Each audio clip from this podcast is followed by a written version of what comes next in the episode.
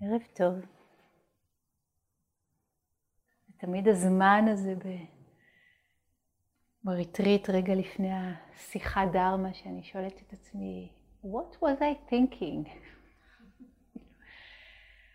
אה, איך אפשר את כל זה לתוך זה? ואני ממש מבינה את רמנה מהרשי, המורה הגדול, מבינה ורוצה גם, שלימד עשרים שנה בשתיקה. עשרים שנה הוא שתק, אז נדנדו לו ממש. אמרו לו, אבל אנחנו רוצים שתלמד. הוא אמר, אבל אני מלמד אתכם כל הזמן. לא, ותדבר, נו. זה התחיל ב... בשאלות כתובות, אז הוא ענה, ככה זה מתחיל. פתקים. אז הוא קצת ענה, ואז הוא קצת עוד יותר ענה, ואז עוד יותר. ובאמת רציתי להתחיל עם הסיפור שלו. זה חתיכת סיפור, אבל לפני זה השם המסורתי של השיחה. על אור ועל צל, על החיים ועל המוות ועל האהבה. נראה לי שכיסיתי כבר את הכל. ואולי אמרתי מספיק. אולי אמרתי מספיק? רמנה מהרשי היה נער הודי, בן 16, במאה הקודמת, אני חושבת שהוא אה, נולד ממש ממש אה, כמה שנים לפני המאה העשרים. היה לו, הייתה לו ילדות רגילה לחלוטין, אם אפשר לקרוא לזה ככה, תחת הכיבוש האנגלי בהודו, בדרום הודו, הלך לבית ספר וכל הדבר הזה. והיה להם, ככה במשפחה, הם עברו באמת אסון, אבא שלו אה, נפטר ממחלה, והוא עבר לגור אצל הדוד אה, עם האח הגדול, המשפחה ככה התפצלה. וכשהוא היה בערך בן 16, הוא מתאר, הוא מספר, שהוא פתאום, בלי שום סיבה אה, ממשית, הוא נתקף פחד מוות איום. זו התחלה של happy end. הוא הרגיש שהוא הולך למות, ממש ממש הרגיש רע בגוף, לא הייתה לו שום בעיה פיזית, אבל הוא, כמו שהוא מתאר את זה, הוא פשוט ידע שהוא הולך למות. ואחר כך הוא גם מתפלא למה בעצם הוא לא ביקש עזרה או דיבר עם, עם הגדולים או הלך לרופא, הוא החליט שהוא יפתור את העניין הזה לבד. ומה שהוא עשה זה הוא עלה לעליית הגג, הוא אמר, אני אכנס בזה ראש. כנראה היו לו גלגול ישראלי או משהו. אני, אכנס בזה. והוא שכב, הוא מתאר שהוא שכב על, ה... על רצפת העץ, ובהתחלה זה היה, הוא העמיד פנים שהוא מת, הוא רצה לראות איך, איך זה מרגיש למות, הוא כאילו העמיד פנים בפני עצמו, הוא היה שם לבד עם עצמו, כן? שהוא מת, אבל אז הוא אומר, באמת מתתי. ממש ממש, זאת הייתה חוויית המוות, הגוף היה נוקשה לחלוטין, והוא מתאר שהוא עבר דרך הדבר הזה שנקרא המוות.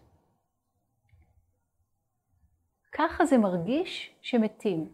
הגוף לחלוטין לא מתפקד יותר, אברי החושים לא מתפקדים יותר.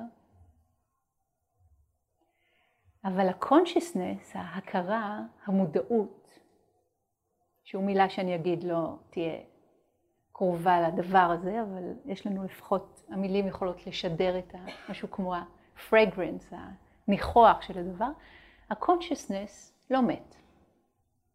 ההכרה המשיכה, הידיעה המשיכה. ניצוץ החיים המשיך גם, לא, גם אם לא בפיזי. וכשהוא קם so called חוויה הזאתי, פחד המוות עזב אותו לחלוטין, לתמיד, לצמיתות. כמו שהוא מתאר את זה, הוא הבין שאולי הגוף מת מתישהו, לא אולי, הגוף ימות, כל מה שנולד ימות, כל מה שמורכב מתפרק, והכל בעולם התופעות הוא מורכב. בעולם התופעות הכל מורכב ולכן הכל יתפרק, ובתהליכים שונים של הרכבה, התפרקות, הרכבה, התפרקות. אבל יש עוד משהו שלא מת.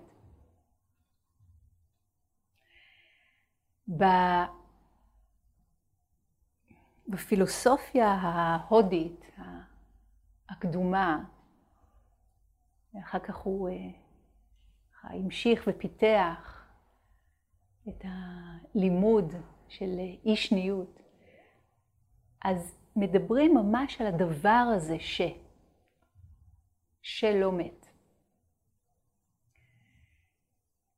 כשהבודה לימד את הלימוד שלו שמוביל אל החופש, וכשהוא דיבר על ה-deathless, על העל מוות, הוא עצר צעד אחד לפני. הוא לא אמר מה כן קיים, הוא אמר מה לא קיים. And it's good enough. זה הכל מבטים שונים על אותו החופש. על אותו החופש. החופש הוא רק אחד.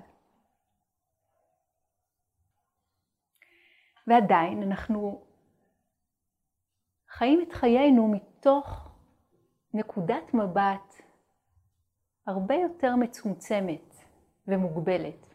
כולנו. נדמה לנו למשל שמה שאנחנו קולטים בחושים זה, זאת האמת, זאת המציאות. מציאות זה ממש המילה בעברית, מציאות זה, זה הדבר שאותו אנחנו מוצאים. ואנחנו מוצאים דרך מה שאנחנו מחפשים. הפיזיקה הקוונטית חוגגת על זה כבר עשרות שנים. ודרך מה אנחנו מחפשים? דרך ההרגלים שלנו.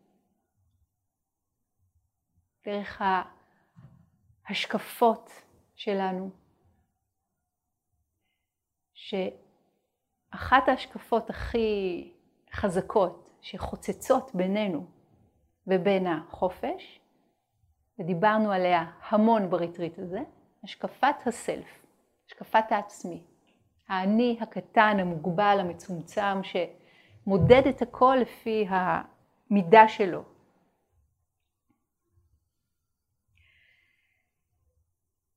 ואותו האני הזה, או טעות הייחוס הראשונית, בטוח שהוא מנהל פה את העניינים. ודיברנו על זה הרבה בכל מיני צורות ודרכים. אז אני רוצה לפתוח עוד, עוד כמה דלתות בכיוונים שכבר אה, הלכנו בהם, ואולי ככה לתת עוד כמה, עוד כמה כיוונים, עוד כמה התעמקויות. מה אם המודל שאנחנו חיים לפיו שגוי? בואו נחזיק את זה רגע, בכלל כאפשרות, שאיך שאנחנו תופסים את העולם ואת עצמנו ואת אחרים, זאת טעות ייחוס.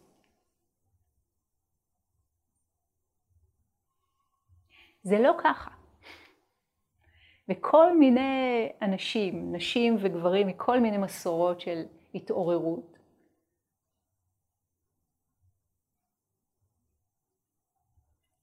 מסורת הסופית, המסורת הדווייתית, המסורת הקבלית, המון המון הבודהיסטית, האינדיאנית, הם מדברים על אותו דבר.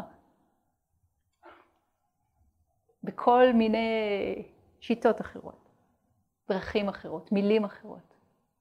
אבל הם אומרים, אתם לא מי שאתם חושבים שאתם. חלק אומרים, אתם לא מה שאתם חושבים שאתם.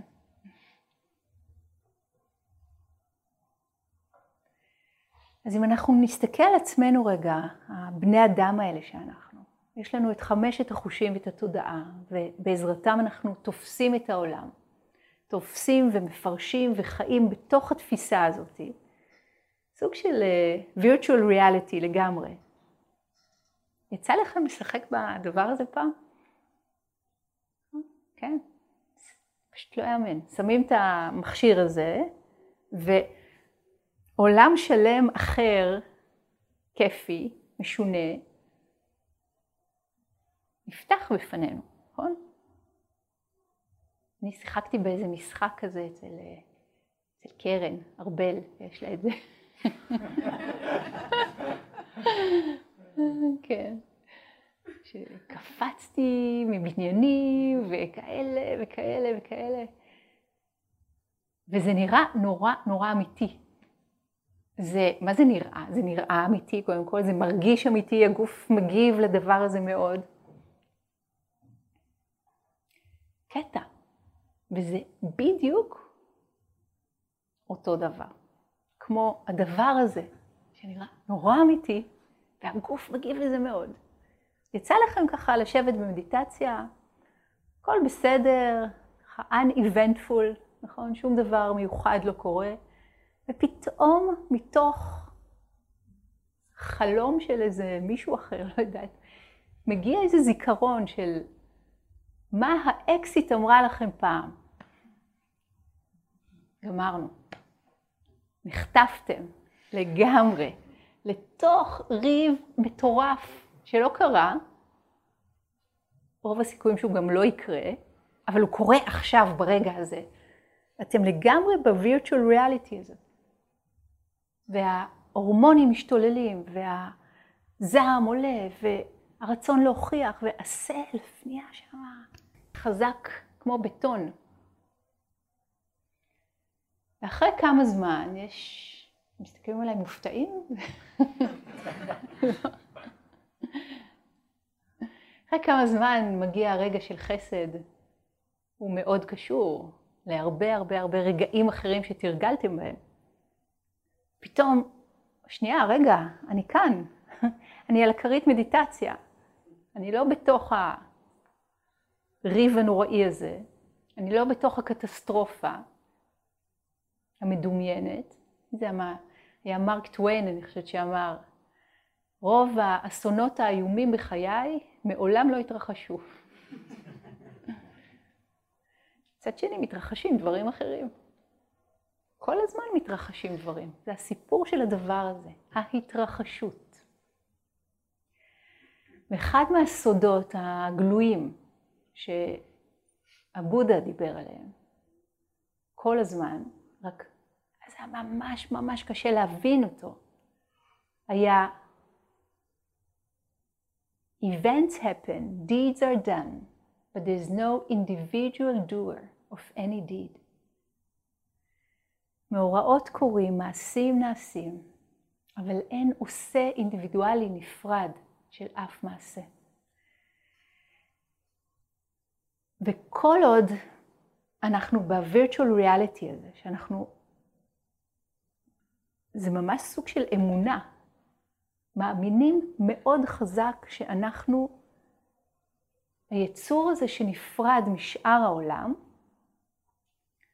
כמו בשיר, אחד משירי הזן, Heaven and earth are set apart. אז מתחילים זוגות ההפכים. כשעבודה לימד על זוגות ההפכים, מי יודע מה הם? מי יודע מה זוגות ההפכים? אף אחד? יופי. רווח, הפסד, הצלחה, כישלון, עונג, כאב, gain and loss, כן? זה רווח, הפסד.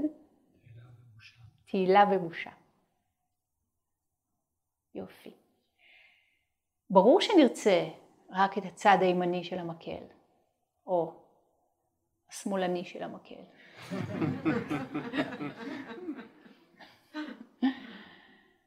ואז ניקח את המקל הזה, נחתוך אותו, נזרוק את החצי שאותו אנחנו לא רוצים. לא רוצים לראות במדינה הזאת, לא רוצים לראות בעם הזה, לא רוצים לראות במשפחה הזאת, לא רוצים לראות בתוכנו. בואו פשוט נזרוק את החצי הזה. נשאר עם החצי הטוב, השווה. נשאר עם האור. Good luck, מה שנקרא. והתנועה הזאת האנושית הייתה תמיד קיימת, הרצון ללכת אחרי דבר אחד ולהדוף דבר אחר. אם אנחנו מצליחים לחתן אותם בתוכנו, ולא ליפול לאף אחד מהקיצוניויות האלה, זה לא שאנחנו מוצאים את עצמנו באמצע שלהם, במין חציון או ממוצע, אלא בדרך השלישית, במידל ווי, שהיא לא נקודת האמצע, אלא אופציה אחרת לגמרי של התנהלות. וכל עוד אנחנו יושבים ומסתכלים מתוך נקודת המבט הזאת של אני נפרד מ... כל תפיסת העולם נפרסת, נפרסת משם. הייתי ביפן ביוני, הייתה לי את, ה, את הזכות הזאת להיות, אה, להיות במסע, מסע רוחני, ריטריט, אה, עם קבוצה לשם, ויפן זה אחד המקומות שהם מאוד מאוד שונים מהחבל ארץ הזה. יכול להיות שהם מאוד שונים מכל מיני מקומות אחרים, אבל במיוחד הם שונים מישראל. במיוחד הם שונים מהתרבות הישראלית. מאוד שונים. וזה היה מאוד מעניין, אני חושבת שאמרתי לכם את זה פה, כשיוצאים מהרגיל, מהמוכר, מהידוע, מההרגלים שלנו ומגיעים למקום שהוא אחר מאוד, אז כל ההרגלים האלה שבאנו איתם מאוד ככה מרימים את הראש. עוד יותר, אנחנו יכולים מאוד לראות, זאת מראה מאוד טובה, תרבות אחרת. וביפן יש להם אה, מושגים כאלה על, אה, בכלל, מושגים על ניקיון ולכלוך, שהיה מזיק לאזור הזה לאמץ אותם גם. למשל, אין, אה, אין פחי זבל בכלל. אין פחי זבל בחוץ, יש, כל אחד לוקח את הזבל שלו איתו, הביתה. ובבית הוא עושה הפרדה, נגיד אם קונים משהו ויש איזו עטיפה אין, זו תרבות שלמה שבכלל לא מעלה על דעתה שהיא צריכה לתת למישהו אחר לטפל בשיט שלה ובזבל שלה. אז זה מעניין, כן? בכלל, כל היחס לדבר הזה. השירותים. יצא לכם להיות ביפן? שירותים הציבוריים בשבועיים שהייתי שם, אני חושבת שאף מודל לא חזר על עצמו. עם סוגים שונים של מוזיקה, ואסלה מחוממת. והדבר הכי שערורייתי זה שהאסלה מדיחה את עצמה. מתישהו, אבל בלי ללחוץ על איזה כפתור, אז אף פעם לא יודעים מה עכשיו, איזה סוג של שירותים זה עכשיו. שצריך ללחוץ פה או שם, או לא לוחצים בכלל, או שזה מזהה את חום הגוף, או קור הגוף, או השט יודע מה, ועניין שלם סביב השירותים. ממש, הם לא חזרו על עצמם, זה היה חתיכת דבר. והכל עם צלילים ועם מוזיקה, רק כדי לא לפגוש את התוצרים שיוצאים לנו מהגוף והם נחשבים הצל, נכון? שוכחים שזה הופך לקומפוסט. אבל רגע לפני שזה קומפוסט, לא, לא, לא, לא, לא, בואו נחביא אותם במוזיקה, בריחות סינתטיים, באורות, בלא יודעת מה. ויש אה, מושג כזה, שהם אומרים אותו המון המון כזה בשפה, שנקרא קוואי. קוואי, התרגום של קוואי זה חמוד. אז הם אומרים על הכל חמוד, זאת אומרת על דברים שהם חמודים. אז יש מלא דברים חמודים ביפן. מלא מלא מלא בובות קטנות, יש אה, חנויות שלמות שנכנסים אליהן, אתה מכיר? שמים אה, כמה ינים ומגרילים, הם ממש מכורים לזה, כמו מכונות מזל כזה, אבל מה שיוצא, יוצא איזה מין, כמו ביצת הפתעה, עם, עם איזה צור קטן מטופש מפלסטיק, לא יודעת, משהו, מלא מלא סוגים כאלה. הכל זה קוואי, הכל כזה חמוד, הכל כזה נקי, הכל כזה אסתטי. והכלבים שלהם, יש אה, שתי כלבות, מנג'ו וטרה, השם ישמור אותן, משוגעות לגמרי, גדולות, מלאות חיים, אה, ככה עם כלבות חווה, זה אוהבות לריב אחת עם השנייה, וככה, קיצור, בלאגניסטיות רציניות, מתוקות אש, ושם ראיתי מה ההבדל בין מה שאני חשבתי שזה כלב, ובין הדברים הקטנים שראיתי שם. כלבים עם נעליים. אשכרה, נעליים קטנות, קוואי. הלכנו שם כל הזמן היינו במנטרה כזאת, קוואי, קוואי, קוואי. הכל מתוק, הכל ורוד, הכל יפה, הכל אסתטי. הכל אור, הכל אור, הכל אור. איפה הצל? איפה הצל? די מהר הצל התחיל להתגלות. מסתבר, למשל, שבחנויות האלה, בחנויות שמוכרים את הכלבים, כלבלבים הקוואים, המתוקים האלה, גורים קטנים של גזעים שאי אפשר בכלל להגיד את השם שלהם, והם באמת הצליחו להחליא אותם בצורה כזאת שהם יפרטו על כל מיתרי המתיקות. אם עובר כמה זמן והגורים האלה מתחילים לגדול ואף אחד לא קונה אותם, מוציאים אותם להורג. לא מוסרים אותם למישהו, או לשלטר, למקלט, לכלבים. זה כבר לא קוואי יותר. צל. והרבה פעמים אנחנו במסע שלנו, במסע הרוח שלנו, בתרגול שלנו, בחיים שלנו, באופן מאוד טבעי אנחנו נרצה ללכת אחרי מה שמתוק, מה שיפה, מה שכיפי, מה ש... ולשים בצד, לשכוח מלא להתייחס לאזורי הצל שלנו. אז אני רוצה להגיש על, על מגש יפני כזה, שיש בו המון המון מנות, את התמונה שהיא מורכבת.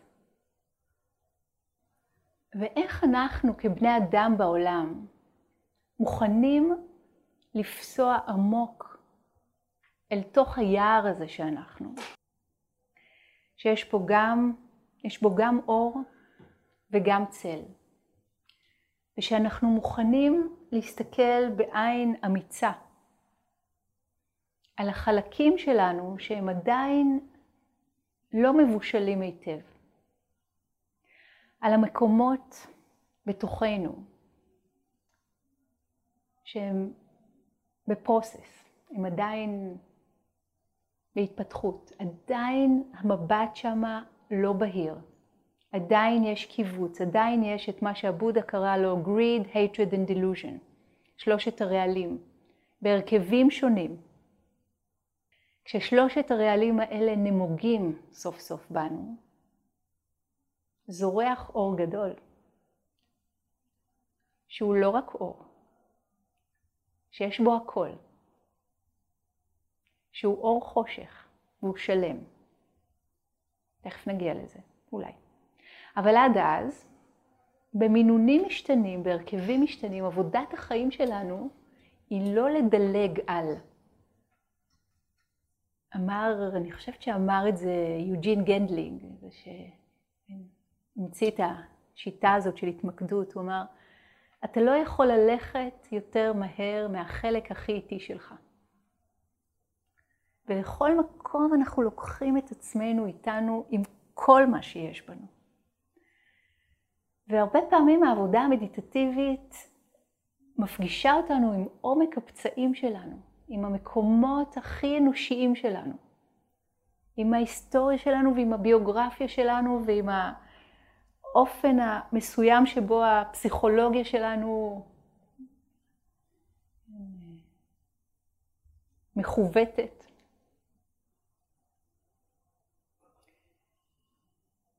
ויש הרבה עבודת נשמה לעשות במקום הזה, הרבה עבודת לב, הרבה עבודה פסיכולוגית, זה לא מילה גסה, להפך. מה שעוזר. איך אנחנו מוכנים לפגוש את כל החלקים שלנו, גם את אלה שאנחנו מגנים ושופטים ושונאים ושמים בצד, ו...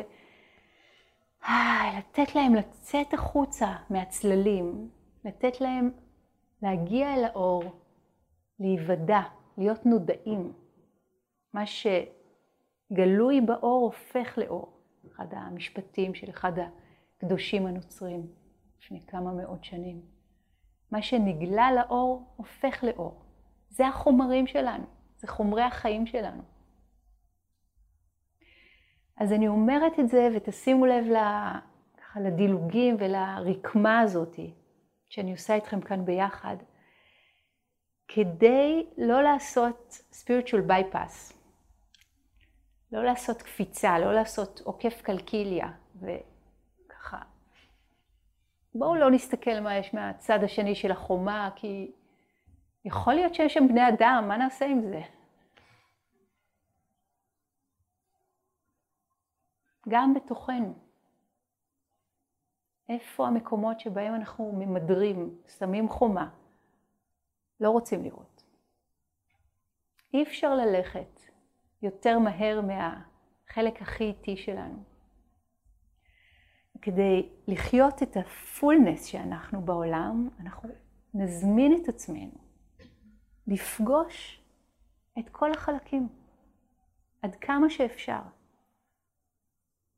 או good enough, מספיק חלקים ככה שהאינטגרציה שנולדת מתוך המפגש הזה תיקח אותנו הלאה. וזה ריקוד מאוד מעניין בין הפרסונלי והלא פרסונלי. בין הסלף הקטן והסלף הגדול, בין האגו והנוט סלף, בין תשומת לב יפהפייה לכל תנועה פנימית שלנו ובין להחזיק את הידיעה שאנחנו לא מזג האוויר, כמו שאומרת פמה צ'ודרון, אנחנו השמיים. ולא לוותר על אף אחד בריקוד הזה.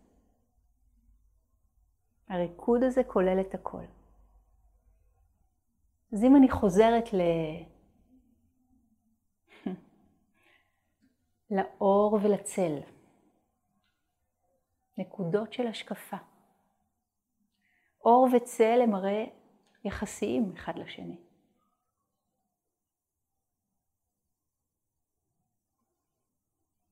נכון ולא נכון הם יחסיים אחד לשני. באחד מה... אחד מהימים האלה ביפן עברנו דרך אה, מקדש גדול ואחד הדברים המדליקים בתרבות הזאת זה שקודם כל יפן זה מקום שהוא משהו כמו 70 אחוז יער, זה מטורף, זה ממש ממש ירוק. ויש להם אהבה מאוד גדולה למה שצומח. ובמיוחד לעצים גדולים ויש שם עצים עתיקים עתיקים עתיקים. מי שמכיר את הסוג שנקרא גינקו בלובר, יש אותו גם בארץ, זה, זה עץ שצומח מאוד מאוד לאט והוא בין הכי קדומים בכדור הארץ. והם כל כך בתשומת לב לגיזום המיוחד הספציפי של האורנים והבונסאי והעץ הזה. וחלק גדול מהתרבות ומה, ומחיי הרוח שם קשורה, קשורים ישירות לאסתטיקה וליכולת לראות יופי. יכול להיות שאתם עם יפן גמרתם אחרי הסיפור של החנות חיות. אז אני מזמינה אתכם דווקא כן, להיכנס חזרה ליופי ולאסתטיקה ולהבנה הזאת של מה יופי עושה לנשמה שלנו כבני אדם. לומדים שם ארבע שנים להיות, אה, להיות גננים בגן כזה. ואז הגננים עובדים כמו בסיפורים של אליסה בארץ הפלאות, הם לבושים בלבן, עם כפפות והם גוזמים והכל כזה מדויק, מדויק, מדויק. כל עלה, כל ענף, זה הכל מין עבודת אומנות כזאת שמכל זווית ש... שתלכו בה בגן, יהיה מין נוף אחר, נשקף, כל, כל כך הרבה תשומת לב. יכולים לתאר לעצמכם מה קרה שהגיעה קבוצה של ישראלים.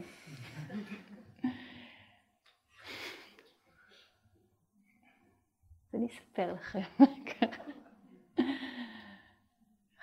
אנחנו עוברים בין העצים הגדולים שגזומים בקפידה שכל עלה, כל עלה מקודש, ואיתנו בקבוצה, זה ריטריט, כן? זה גם לומדים ומתרגלים מדיטציה ודרמה וזה, ויש שם ילדה צעירה בת 70 ומשהו, שנפעמת מהעץ המהמם וחייבת, חייבת חייבת לגעת בו וחייבת, ופתאום אני רואה אותה עם ענף ביד. המדריכה היפנית כמעט מבצעת חרקירי, נשמטת לה הלסת ואומרת לה, בלי השם, מה עשית? זה נורא יפה, תראי. תכניסי מהר לתיק, שלא יראו. התנגשות של איך יש את המתח הזה בין להחזיק את האסתטיקה הזאת עד הסוף שלה והמחיר שלה. מול יאללה, תרבות שלנו, כן, יהיה בסדר, והמחיר של זה. האור והצל, האור והצל, כל מקום. אז מה מבקשת מאיתנו עבודת האור ומה מבקשת מאיתנו עבודת הצל. ולכל עבודה, גם עבודת האור וגם הצל, יש לה אור וצל משלה. אני רק אגיד במילה על, ה, על עבודת החקירה שלנו, של הדפוסים שלנו, של ההיסטוריה שלנו, של איך אנחנו יכולים לשנות את ההשקפה שלנו, יש לה ערך מאוד מאוד גדול, והצל שלה הרבה פעמים יכול להיות הזדהות יתר עם הסיפור שלנו, עם הביוגרפיה שלנו, עם ההיסטוריה שלנו, עם מי שאנחנו חושבים שאנחנו. הסלף מטיל צל מאוד גדול. ואנחנו גדלים ומתוונתים לתוך מין תרבות כזאת שאומרים לנו כל הזמן מי אנחנו. ואנחנו מאמינים לזה. ואז אנחנו גם הולכים ומחפשים את מי שאנחנו בדעות ובמבטים של אנשים אחרים. collecting other people's opinions on us all the time. נכון? ומה יכול להתאפשר אחרי שאנחנו מכירים היטב? אף פעם אי אפשר עד הסוף, אנחנו אינסופיים, אבל good enough, מכירים היטב ולעומק את הדבר הזה שנקרא אני, עם כל הרבדים שלנו, מה יכול להתאפשר שאנחנו מניחים לזה? אולי אפילו מסיטים אותו הצידה. מסכימים לשחרר, לוותר, להרפות, להניח את האחיזה במי שאנחנו חושבים שאנחנו. אני אקרא באנגלית קטע מתוך אה, דון חואן קסטנדה, שמדבר על, על איש הידע. A man of knowledge lives by acting, not by thinking about acting, nor by thinking about what he will think when he has finished acting. A man of knowledge chooses a path with heart and follows it. And then he looks and rejoices and laughs. And then he sees and knows. He knows that his life will be over altogether too soon. He knows that he, as well as everybody else, is not going anywhere. He knows because he sees that nothing is more important than anything else. In other words, a man of knowledge has no honor, no dignity, no family, no name, no country, but only life to be lived. בואו נשמע את המילים האלה לא דרך מה שאנחנו חושבים על מה זה אומר, אלא דרך השמיטה המוחלטת של ההזדהויות. מה זה אומר בשבילנו להיות אנשים ללא כל אלה.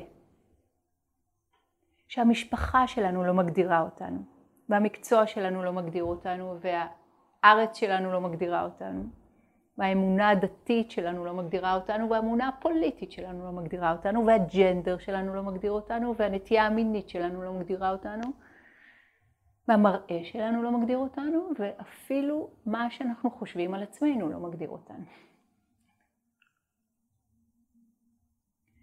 אנחנו בבת אחת צונחים לתוך מקום שהוא אינסופי. ועל זה בדיוק דיבר הבודה כשהוא דיבר על איכויות הלב. ופה אנחנו פוגשים ככה, eyeball to eyeball, את הצד השני של הריקות המבורכת, וזאת האהבה. כשהבודה דיבר על איכויות הלב, על אהבה, על חמלה, על שמחה, הערכה ועל איזון פנימי עמוק, הוא קרא להם measureless, boundless, אין להם גבולות, הן חסרות שיעור, חסרות גבול. האיכויות האלה שנמצאות בנו כל הזמן, כל הזמן. ולפי אחד המודלים הם כמו פוטנציאל שאנחנו משקיעים, משקיעים, משקיעים ואז הן גדלות בנו, ולפי מודל אחר, מבט אחר, הן קיימות בנו בשלמות. וכל מה שאנחנו צריכים לעשות, מודל השכבות, להזיז הצידה את מה שמיותר, את מה שמפריע לראייה הצלולה שלנו, את הדברים כפי שהם. השמש כל הזמן שם. גם אם אנחנו מרימים את הראש ורואים אה, ענן. ענן מול שמש זה לא כוחות, אבל מהמקום, מנקודת המבט הספציפית שלנו, הענן מסתיר את השמש. אנחנו לא יכולים לראות. אבל מה אם נסכים לדעת את הדבר הזה, שהחופש אין לו שיעור, אין לו גבול, ולא רק שהוא זכותנו המולדת, הוא גם נגיש לנו יותר מנגיש. כי קרוב אליך הדבר מאוד, כי בפיך ובלבבך לעשותו. כתוב איפשהו, בתורה. יותר קרוב מקרוב. והמחשבה והסיפור וההשקפה והוויו וכל הדבר הזה מספרים לנו, ממשיכים ומספרים כמו הטלפרינטר הזה, סיפור עלינו, על אנשים אחרים, על העולם, וכל אותו זמן המציאות האמיתית היא אחרת לגמרי. חופש גדול. חופש שכולל בתוכו את התנועות היפהפיות, הבלתי נפרדות, היין יאנגיות של חיים במוות. צמיחה וקמילה. שגשוג והתקמפסטות. כל הזמן, בלי זה אין את זה, בלי זה אין את זה, בלי זה אין את זה. וואו, איזה ריקוד, איזה ריקוד. No problem. ראי, אומר יהודה עמיחי, כשם שהזמן איננו בתוך השעונים, כך האהבה איננה בתוך הגופים. הגופים רק מראים את האהבה. וכשאנחנו מסכימים ומסכימות, כמו להשתרע בתוך האיכות הזאת, היא הולכת לכל הכיוונים, לכל הכיוונים, היא הולכת אלינו פנימה. היא הולכת החוצה. אין לה שיעור, אין לה גבול. היא רוצה to take care לכל מה שקיים. השמש רוצה לחמם באופן שווה ולתת מהאור שלה באופן שווה. ואז אכפת לנו מהעולם ואכפת לנו מעצמנו. והכיוון הוא כל הזמן גם וגם. אנחנו חלק מ... אנחנו לא נפרדים, ואכפת לנו שנכחדו חיות הבר. אכפת לנו שאין יותר נמר תסמני, אין יותר צפרדע זהובה מקוסטה ריקה, יונת בר בצפון אמריקה, כולם מילים שנכחדו. זה מכאיב, אכפת לנו. אכפת לנו מהגורל של היצורים שהם אפילו אולי רחוקים מאיתנו בדיוק בקצה השני של... ועדיין, כשהלב ננגע והלב נפתח, הכל כלול בפנים. ואהבה מתחילה לחבר את כל הקרעים, ואת כל מה שהתפצל, ואת כל מה שנפרד, והיא כמו אוספת את הכל תחת הכנפיים שלה, והיא לא אישית והיא מאוד אישית. ואנחנו כלולים בתוכה, והיא בנו.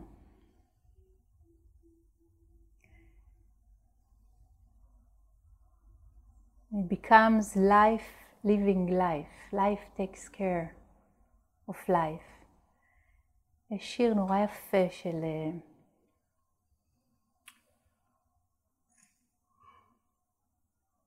ריימון קרבר, תרגמתי אותו, קצר, גם באנגלית וגם בעברית. And did you get what you wanted from this life, even so?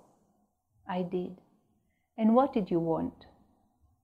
To call myself beloved, to feel myself beloved on the earth. האם קיבלת מה שרצית מהחיים האלה בכל זאת? אני קיבלתי. ומה רצית? לקרוא לעצמי אהובה, להרגיש את עצמי אהובה עלי אדמות. אז אני מזמינה אותנו למסע הזה, שהוא מאוד אישי ופרטי ופרטיקולרי ל body mind הייחודי הזה שאנחנו. To call myself beloved. וואו. ומאיתנו לעולם, כי אהבה היא אף פעם לא a private matter. כשהלב נפתח, הוא נפתח גם פנימה וגם החוצה, וכל הפנים והחוץ וכל זוגות ההפכים האלה פורסים ונושרים, ולא אכפת להם ההפרדות האלה שקיימות רק בתודעה הקטנה שמוסתרת על ידי הסלף. והכל נמס. אל תוך הדבר הזה. שיר שכתב דרק ווילקוט ותרגמתי. יגיע הזמן בו בהתרוממות רוח תברכי את עצמך כשתגיעי לדלתך שלך, במראה שלך, כל השתקפות תחייך, בקבלת הפנים של השנייה ותאמר, שבי כאן, איכלי. את תאהבי בשנית את הזרה שהיא את. תני יין, תני לחם, החזירי את הלב שלך לעצמו. לזרה שאהבה אותך כל חייך, ממנה התעלמת כדי לתת תשומת לב למישהו אחר, זו שמכירה אותך בעל פה. הורידי את מכתבי האהבה ממדף הספרים, את התמונות, את הפתקים הנואשים. קלפי את ההשתקפות שלך מהמראה ושבי. חיגגי את חייך. אז אני רוצה להזמין אותנו לחגיגה הזאתי, שקורית כל הזמן, ואנחנו יכולים, יכולים, יכולים להצטרף. להצטרף אליה.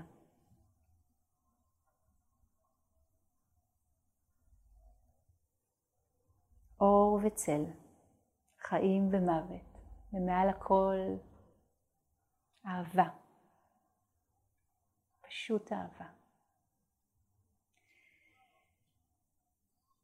בואו נשב עם זה רגע, כמו שאתם, כמו שאתם.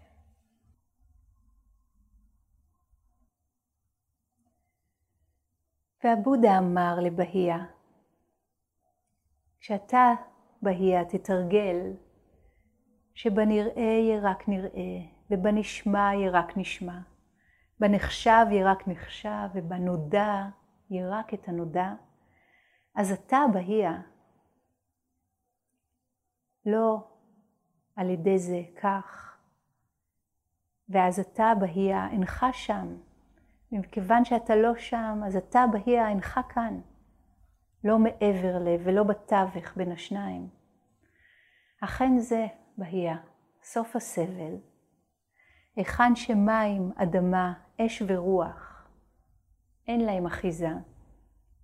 שם כוכבים אינם זוהרים, והשמש אינה זורחת. הירח אינו קורן, אבל החשיכה אינה נודעת. כאשר בעל הידיעה העצמית, החכם, החכמה, משוחרר מצורה ומאי צורה, מאושר ומכאב.